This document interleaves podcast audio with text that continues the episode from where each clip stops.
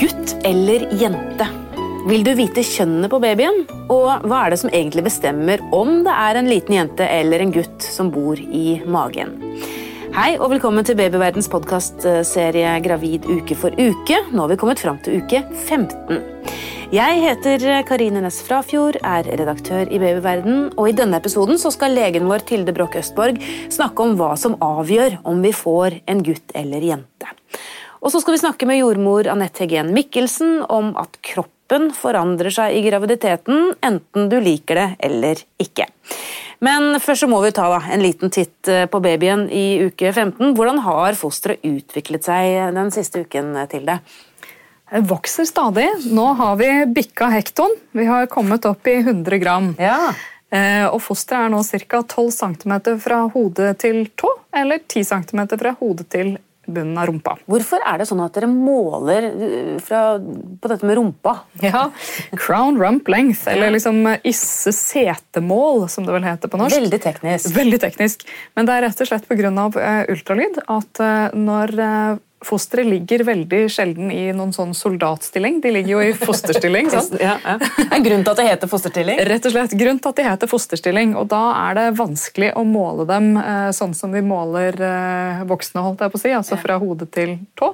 Da er det lettere å måle de fra isse, eller toppen av hodet, til bunnen av rumpa. Og det gjør man gjennom hele svangerskapet, eller?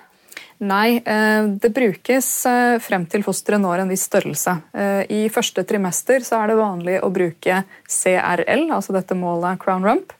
Men når fosteret blir eldre, så bruker vi stort sett noen andre mål. Da måler vi Vi skal komme til, sikkert komme tilbake til det i den rutineultralydpodkasten, men da måler vi tre hovedmål. Et som heter BPD, altså hodemål fra side til side, eller hattemålet, som enkelte av mine jordmorkolleger kaller det. Okay. Og så måler vi magemål, mean abdominal diameter, eller eh, rett og slett enten diameter eller omkrets av magen. Ja. Og så måler vi lengden av lårbeinet. Og de, eh, det er rett og slett fordi eh, etter at fosteret på en måte har nådd en viss størrelse, så blir det vanskelig å få inn hele lengden av det i et ultralydbilde. Um, og I tillegg så er det da mer avhengig av om fosteret ligger utstrakt eller bøyd. Ja, akkurat. Du, vi skal jo snakke om kjønn i denne episoden, gutt til jente. og da, Det slår meg når du snakker om mål. Vi vet jo at liksom, ofte så er gutter litt større enn jenter. I hvert fall i voksen eller stor alder. Er det sånn, kan man, kan man se noen indikasjoner også i magen når man måler et foster? Vi vet at eh, gutter ved fødselen er litt tyngre enn jenter. Men da snakker vi om under 100 gram forskjell. Ja. Og eh, det er såpass stor individuell variasjon at eh, jeg ville ikke tatt noe utgangspunkt i det. Men det som er interessant, er jo at vi, vi differensierer jo ikke mellom kjønnene når vi sier hvor langt en er på vei. Sånn at alle måles da likt der. Så da kan man ikke si om det er gutt eller jente. Ikke ut fra størrelse. Nei, nei. Men eh, hvordan blir det gutter og jenter? Og Her husker jeg fra biologien på skolen for mange år siden at det var noe med X og Y. Men, men hvordan er dette her? hva er det som bestemmer om, om det er en gutt eller en jente for det, som det skal bli? Mm. Eh, da er det jo sånn at eh, Som kvinner så har vi kun X-kromosomer. Vi har eh, vanligvis to X-kromosomer. Og vi kan bare gi videre X-kromosomer i våre eggceller. Mens menn har et X-kromosom og et Y-kromosom. Så halvparten av deres sædceller vil inneholde en Y, som gir et guttefoster, eller en X, som gir et jentefoster. Og da er det det klassiske førstemann til egget? Da er det førstemann til egget. og ja. um, som, du, som, enkelte vet, så fødes det jo litt flere gutter. Eh, det er vel under en prosent forskjell, men det er sånn 51-49 eller 50,5-49,5. Mm. Eh, og så har det vært kjempemye diskusjoner om hva som er årsaken. Um, en teori er at Y-kromosomet det er et bitte lite kromosom. X-kromosomet er mye større. Oh, ja. mm. Men Y-kromosomet Y-kromosomet veier så marginalt mindre at uh, Y-sædcellene kanskje har en, eh, en konkurransefordel fordi ryggsekken er litt mindre. Akkurat. Det, det, er sånn det er. Man vet ikke. Du nevnte jo uh, ultralyden i uke 18, eller rundt uke 18, som alle får tilbud om. Men vi vet jo at det er mange som tar privat ultralyd, mm. og som er veldig opptatt av dette med kjønn. Uh, er det mulig å se kjønn f.eks. i uke 15? Ja, ved ideelle forhold så, så, skal det være mulig å se kjønn i uke 15. Og samtidig så vil jeg si at ved screening i ultralyd så er man på en måte 99% sikker. Så man kan gjerne gjøre en ultralyd i uke 15 og få en sterk indikasjon på kjønn. Men om man skal la det diktere farge på barnerommet og alle tingene man kjøper, er kanskje litt mer skeptisk til. Ehm, men ved screening ultralyd vil man i de fleste tilfeller kunne se eh, i hvert fall eh, hvilke kjønnsorganer barnet vil bli født med. Men er det ikke sånn at kjønnsorganene ser veldig like ut ganske tidlig i, eh, i graviditeten? Altså når fosteret er lite? Det stemmer. Det er sånn at Klitoris og kjønnslepper er såpass voluminøse, altså såpass store, tidlig at man kan fort ta feil den ene eller andre veien. Mm. Men i uke 18 da bør man være ganske sikre? Hvis eh, så fremt eh, fosteret har typiske kjønnsorganer, eh, så vil man være ganske sikker i uke 18-19. Mm. Når man snakker i fosterlivet, er det store forskjeller, bortsett fra de åpenbare biologiske, fysiske, da, på gutter og jenter? Er det andre forskjeller? Jeg har jo hørt f.eks. at jentefostre ofte er litt sterkere enn guttefostre. Mm. Nå er vi jo eh, fortsatt et godt stykke unna det vi regner som levedyktighetsgrensen. Men av fostre som fødes ekstremt prematurt, så har jenter en bedre prognose enn gutter. Hvorfor det? Jeg vet, det har jeg ikke noe godt svar på. Eh, jeg vet ikke om man vet det. En mulig forklaring kan være at jentefostrene egentlig er litt eldre fordi de ser mindre ut ved ultralyd. Ehm, så man tror på en måte at de er yngre enn det de er. Så de er kanskje ikke så premature som det de ser ut fra ultralyd å være når de blir født. Men eh, jeg liker jo å tenke at jenter kanskje er litt sterkere i bunn. da. ja, man kan ikke bare si det sånn, bare si det sånn. Nei, Jeg har ikke noe belegg for å hevde det, men, eh, men, eh, jeg har i hvert fall ingen forklaring på hvorfor det er sånn. Så må jeg spørre deg om et vanskelig spørsmål, for, for jeg har også lest at um, noen barn blir født med ubestemmelig kjønn. Hva er det som skjer da? Og Det er en ganske sammensatt uh, spørsmål. Um, vi var jo inne på dette med, med, med kjønnskromosomer. Uh, og de kan være mange andre varianter enn XX og XY. Altså De aller, aller fleste av oss har XXXY. Men vi har også varianter som, uh, som X0, Turners syndrom, som er kvinner som, som er noe mer kortvokste og som har litt andre kroppslige trekk. Eh, men normale genitalia. Og så finnes det en god del andre eh, forstyrrelser i enten genetikk eller eh, hormonreseptorer osv. som gjør at man får et noe annerledes eller ubestemmelig kjønnsuttrykk i kjønnsorganene. Mm. Og det er relativt sjelden, men det er klart at det er forvirrende for omgivelsene når det skjer, fordi mye av det første som man blir spurt om idet barnet er født. Der ble det en gutt eller en jente. Mm. Men, du, men, du, sier at dette er veldig eh, sjelden. Men har du opplevd det? Ja, det fødes eh, noen barn hvert år. Eh, og også på Stavanger universitetssykehus, hvor man ikke med sikkerhet kan si eh, noe, om, noe definitivt om kjønn ved fødsel. Mm. Er, det, er, det, er det en vanskelig prosess å komme fram til et resultat da? Det er det. Det som heldigvis mener jeg, har vært en utvikling de siste årene, er at man er mindre bastant og mer tilbakeholden med kirurgi. Og ser mer hvordan barna utvikler seg før man gjør noe som er ugjenkallelig. Mm. Eh, I tidligere tider har man jo gjort eh, kirurgi på alle disse, og gjort alle til jenter fordi det var kirurgisk teknisk enklest. Og da er det klart at man ender opp med noen resultater som ikke nødvendigvis er gode. Ja. Men tilbake til dette med, med, med gutter og jenter.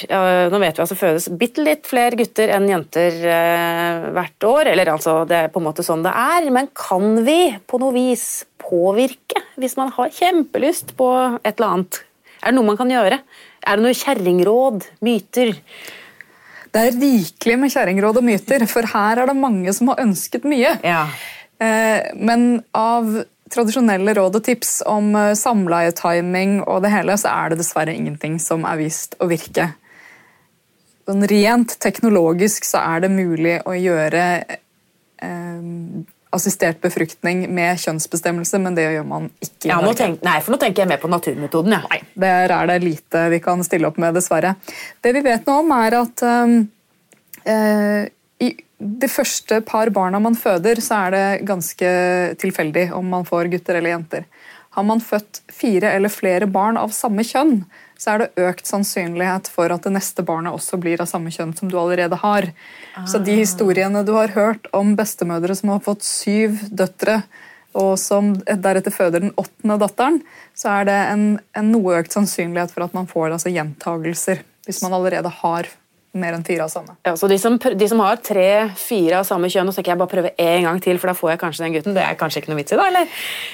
Altså, man, eh, det, er ikke, det er håp i hengende snøre, men, eh, men, vi vet i hvert fall at det er en gjentagelsesrisiko på samme kjønn hvis man har fått mer enn fire. Ja. Og Det viktigste er vel kanskje at det kommer et barn og som forhåpentligvis er friskt og velskapt og, og ønsket. Ja, absolutt. Ja. Da lar vi den gutt-jente-diskusjonen ligge. Takk skal du ha, Tilde Broch Østborg. Og så skal vi snakke også med jordmor Anette Heggen Mikkelsen etter pausen om dette med forandringer i kroppen under graviditeten, enten du liker det eller ikke.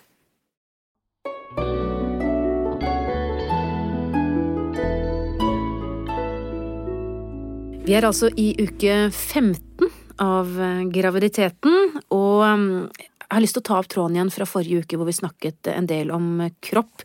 Jordmor Anette Hegen Mikkelsen. For det er klart at eh, hvis vi ser bort fra vektøkning, så skjer jo enormt mye med kroppen i den perioden man mm. er i nå som, ja, som ja. gravid. Og noe er jo bare fantastisk, og andre ting det syns man ikke er så bra. Og så er det jo gjerne en partner der også, da. Eh, som kanskje mener noe om det som eh, skjer med din kropp.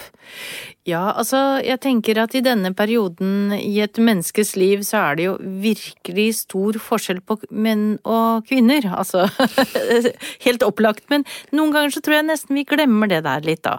At kvinnens kropp den er jo lagd for å bære dette, for å bli gravid og for å bære dette barnet fram til fødsel og føde det barnet.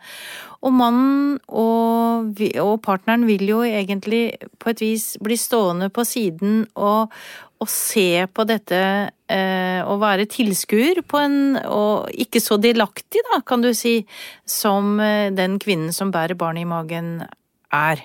Og det kan nok til dels være ganske vanskelig i perioder. Jeg tror du det er sånn at kvinnen blir da så opptatt av det som skjer i magen, at hun glemmer partneren sin litt? Ja, det tror jeg faktisk. Og så er det litt sånn sjalusi ute og går? Ja, det kan være veldig vanskelig det der, tror jeg, å være partner til en eh, gravid kvinne. Eller det er det jo mange som sier, og jeg tror vi er veldig lite forberedt på det. Ja, Når du får et par inn på ditt kontor, eh, er dette noe du gjerne tar opp, eller? Ja, jeg ønsker veldig gjerne at de kommer begge. Altså Eh, både den som skal eh, bli mamma og den som er eh, partner eller mann eller partner i denne sammenhengen.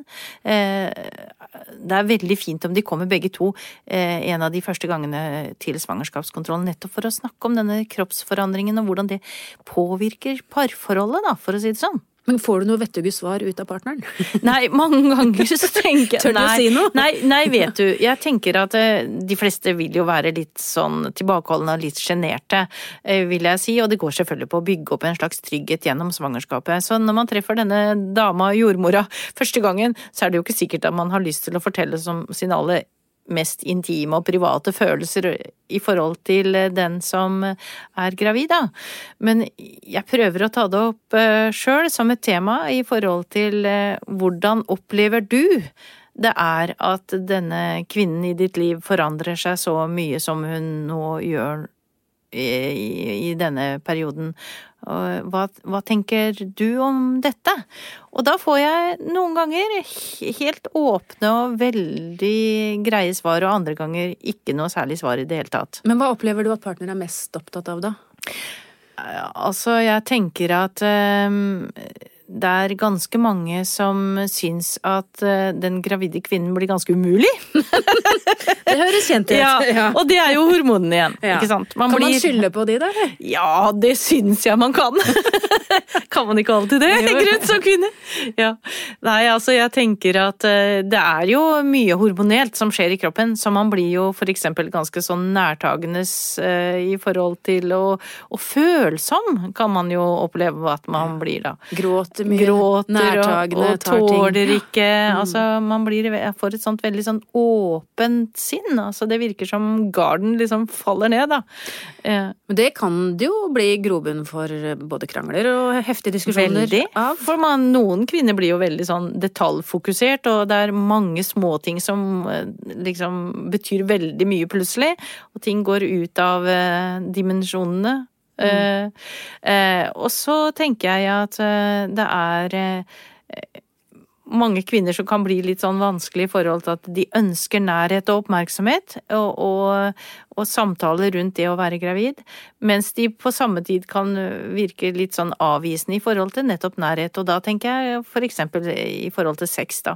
Og da kan det være mange menn som er redd for eller tank, gjør seg tanker om kan man ha et normalt samleie, for eksempel. Og det kan man.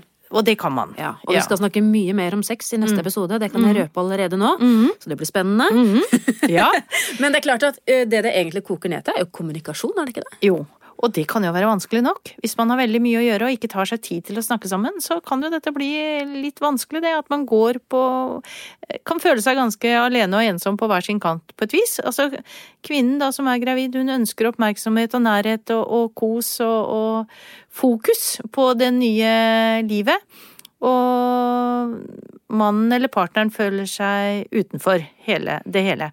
Og det er jo klart at det er jo kvinnen som har barn i magen og kjenner at det begynner å sparke etter hvert nå, og eh, er veldig i situasjonen, mens eh, partneren jo ikke nødvendigvis får den samme opplevelsen eh, rundt den derre tette, nære opplevelsen rundt det. For partneren lever jo sitt liv. Går Ja. på jobb og lever Ja liksom akkurat som før. Mer eller mindre. Men jeg tror ikke vi skal undervurdere at det er ganske mange partnere som, som etter hvert begynner å tenke fornuftige tanker i, i forhold til å forberede seg på å bli pappa eller eh, medmor, for å si det sånn. Eh, eh, Ganske mange eh, fedre har jeg sett begynner å tenke ja, men trenger jeg en ny bil nå?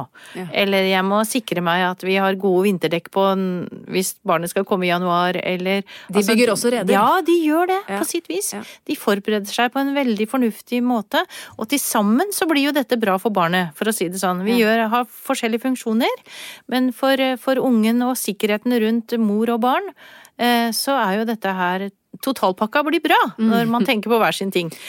Men det jeg ofte tenker på, er jo, øh, er jo det at man gjerne tror at den andre er tankeleser. Mm. Eh, Ja, er ikke det et vanlig fenomen jo, i ekteskapet generelt? Jo, ikke sant, men at det kanskje blir forsterka når Ja. man er gravid. Ja. Altså, du må jo bare skjønne uh, hvordan jeg har det nå. Ja.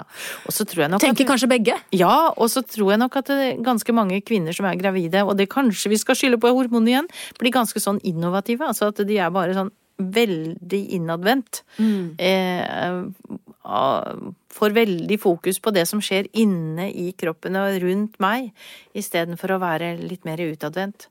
Eh, og det kan jo Da blir man jo enda mer opptatt av at vedkommende partner skulle være tankeleser, for å si det sånn. Ja. Ja. Eh, Da er det vel kommunikasjon igjen, da, eh, som liksom ja, er nøkkelen til alt her. ja. Eh, Men i forhold til det med, med kropp, da, så er det jo ofte sånn at man enten føler seg kjempeflott som gravid, altså bare blomstrer opp og bare tenker at wow, her er det Og man bare gjør alt man kan for at magen skal synes så mye som mulig. Og så er, det, så er det den motsatte siden også. Og så er det jo noen, som, noen menn som virkelig tenner på gravide, og så er det noen som kanskje Ja, syns det er litt skummelt. Eh, Kan du si noe om hvordan man skal takle alle disse ulike måtene Ja. å møte det på? Ja, det er jo ganske voldsomme forandringer som skjer i kroppen da, og jeg er enig med deg i det. det. Det er veldig forskjellig hvordan vi kvinner opplever det der å være gravid i forhold til å føle seg fin, eh, og føle at man er vakker, for å si det sånn. Kan Noen si- sier at gravide får en egen glød. Ja, ja, ja. Jeg husker man- ikke det. Nei, nei.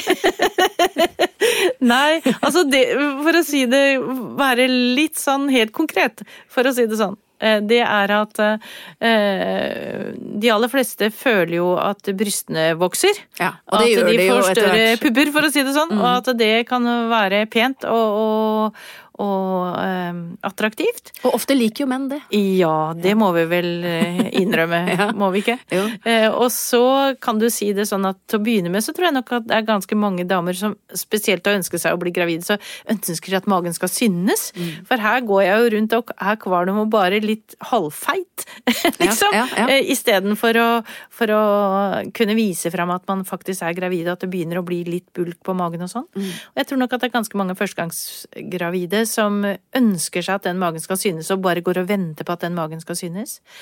For en kvinne som er gravid, som har en liten bult på magen, og, og som er glad og stolt over det, er jo vakker, tenker jeg. Altså, hvor, hvor er det skjønnheten ligger her? Ja. Eh, glede over situasjonen er jo en del av det å være pen, vil jo jeg mene da. Ja, ja, ja. Tar man på seg et smil, så er man alltid godt kledd. Ja, ja. Eh, men altså, har man en eh, partner som, som gir positiv tilbakemelding, og man har en god kommunikasjon rundt den kroppsforandringen, så vil jo mange også oppleve at dette er en veldig positiv tid. Altså at man kan glede seg over denne forandringen i fellesskap, da. Ja, la oss holde fast til det. Gled deg over forandringen, og, og snakk og vær åpen med partner om det som skjer. Ja. Så, så skal dette gå veldig fint. Takk skal du ha for gode råd, jordmor Anette Heggen Mikkelsen. Og som jeg også lovte, så skal vi snakke mer om sex i svangerskapet i neste episode, uke 16 av Gravid uke for uke. Helt siden 1964 har vi gitt ut Spedbarnsboken, som alle får gratis på sykehuset etter at du har født. Hvis du vil ha boken før du føder, så kan du bestille den via babyverden.no eller appen vår Gravid og barn. Vi gir også ut fødselsboken digitalt. Den kan medlemmer i Babyverden laste ned fra min side helt gratis.